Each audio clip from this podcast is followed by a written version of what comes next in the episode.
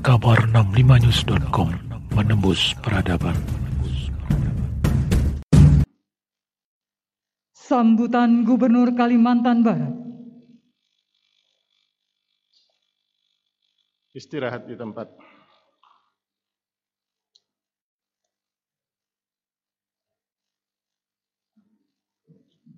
Assalamualaikum warahmatullahi wabarakatuh.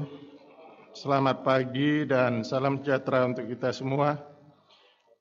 Yang saya hormati anggota DPR RI dari Komisi 2, Pak Dr. Andes Cornelis MH.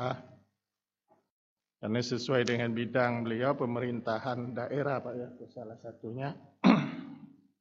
Yang saya hormati rekan-rekan anggota Forum Koordinasi Pimpinan Daerah yang saat ini karena keterbat kita diminta untuk keterbatasan eh, yang diundang itu Pak Pangdam Pak Kapolda. Yang saya hormati Wakil Gubernur Provinsi Kalimantan Barat, Wakil Ketua DPRD Provinsi Kalimantan Barat, Saudara Sekretaris Daerah Provinsi Kalimantan Barat, para ketua DPRD kabupaten yang di, bupatinya dilantik pada hari ini, para penjabat bupati dan pelaksana harian bupati, ketua tim penggerak PKK Provinsi Kalimantan Barat, dan ketua Dharma Wanita Provinsi Kalimantan Barat. Para rohaniawan, orang tua, kaum kerabat bupati dan wakil bupati terpilih. Para undangan hadirin hadirat yang berbahagia.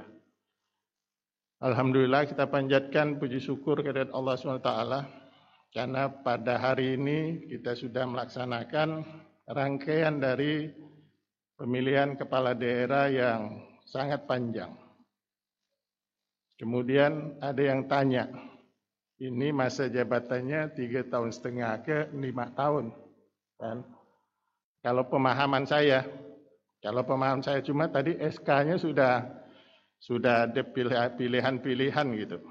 Ya, kalau pemahaman saya secara hukum ya, yang serentak itu pilkadanya, bukan pelantikannya.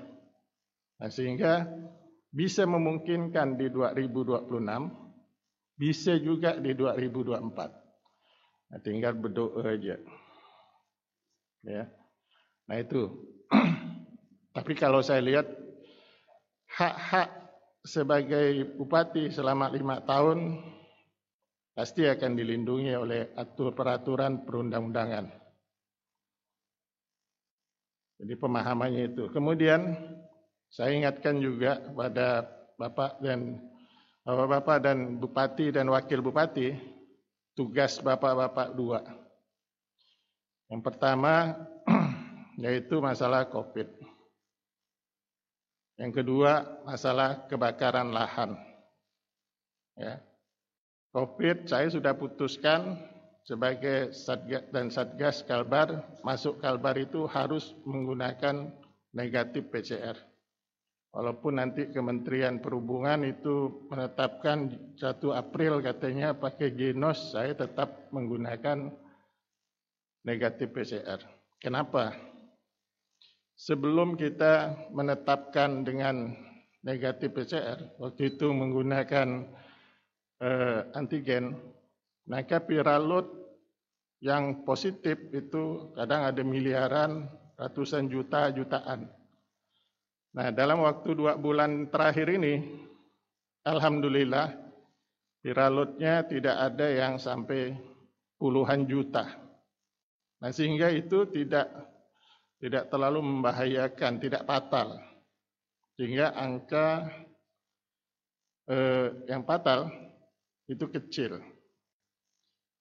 Yang meninggal rata-rata dari 33 itu 22 di antaranya karena terpapar dari luar Kalimantan Barat. Viralotnya ada yang 14 miliar dan ada yang 34 miliar. Jadi sudah sudah sangat parah. Nah, sehingga saya putuskan untuk masuk lewat udara itu tetap menggunakan PCR dan laut menggunakan eh, antigen. Kemudian karhutlah. Karhutlah ini penting Bapak Ibu. Sampai hari ini baru dua.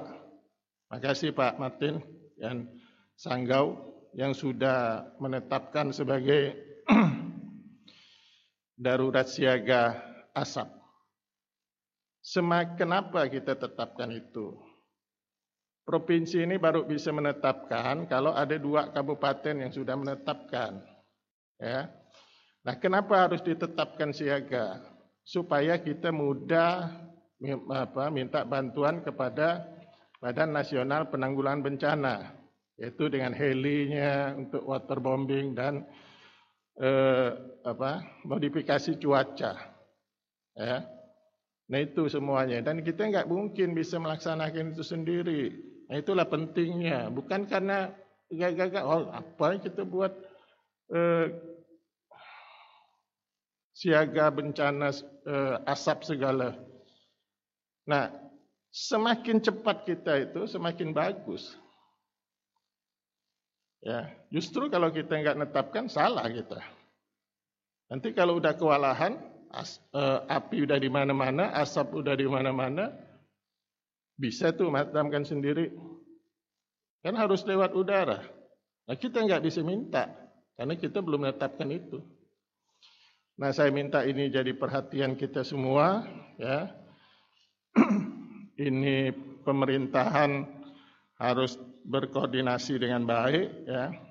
Dan saya baca apa, eh, visi-visi yang disampaikan oleh calon-calon bupati yang sebelum dilantik seperti Bengkayang mau penataan eh, pemerintahannya saya setuju Pak. Ya, artinya Pak Darwis dan wakilnya sudah paham apa yang harus dilakukan. Sudah paham apa yang dilakukan. Yang lain juga saya ikut eh, kemarin ngomong sama Pak Franciscus ya. Eh, kita akan meningkatkan pendidikan di Kapuas Hulu.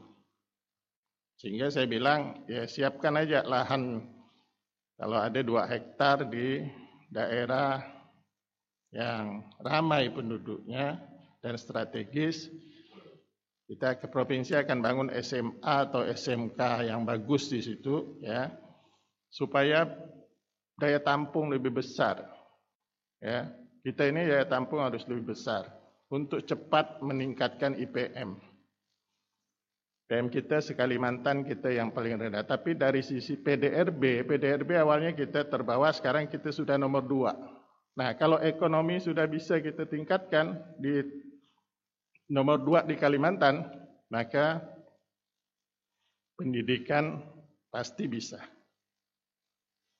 Kesehatan pasti bisa. Kalau Sudarso itu bangun sudah jadi, di situ ada 14 ruang operasi, maka operasi apa pun kita sudah bisa.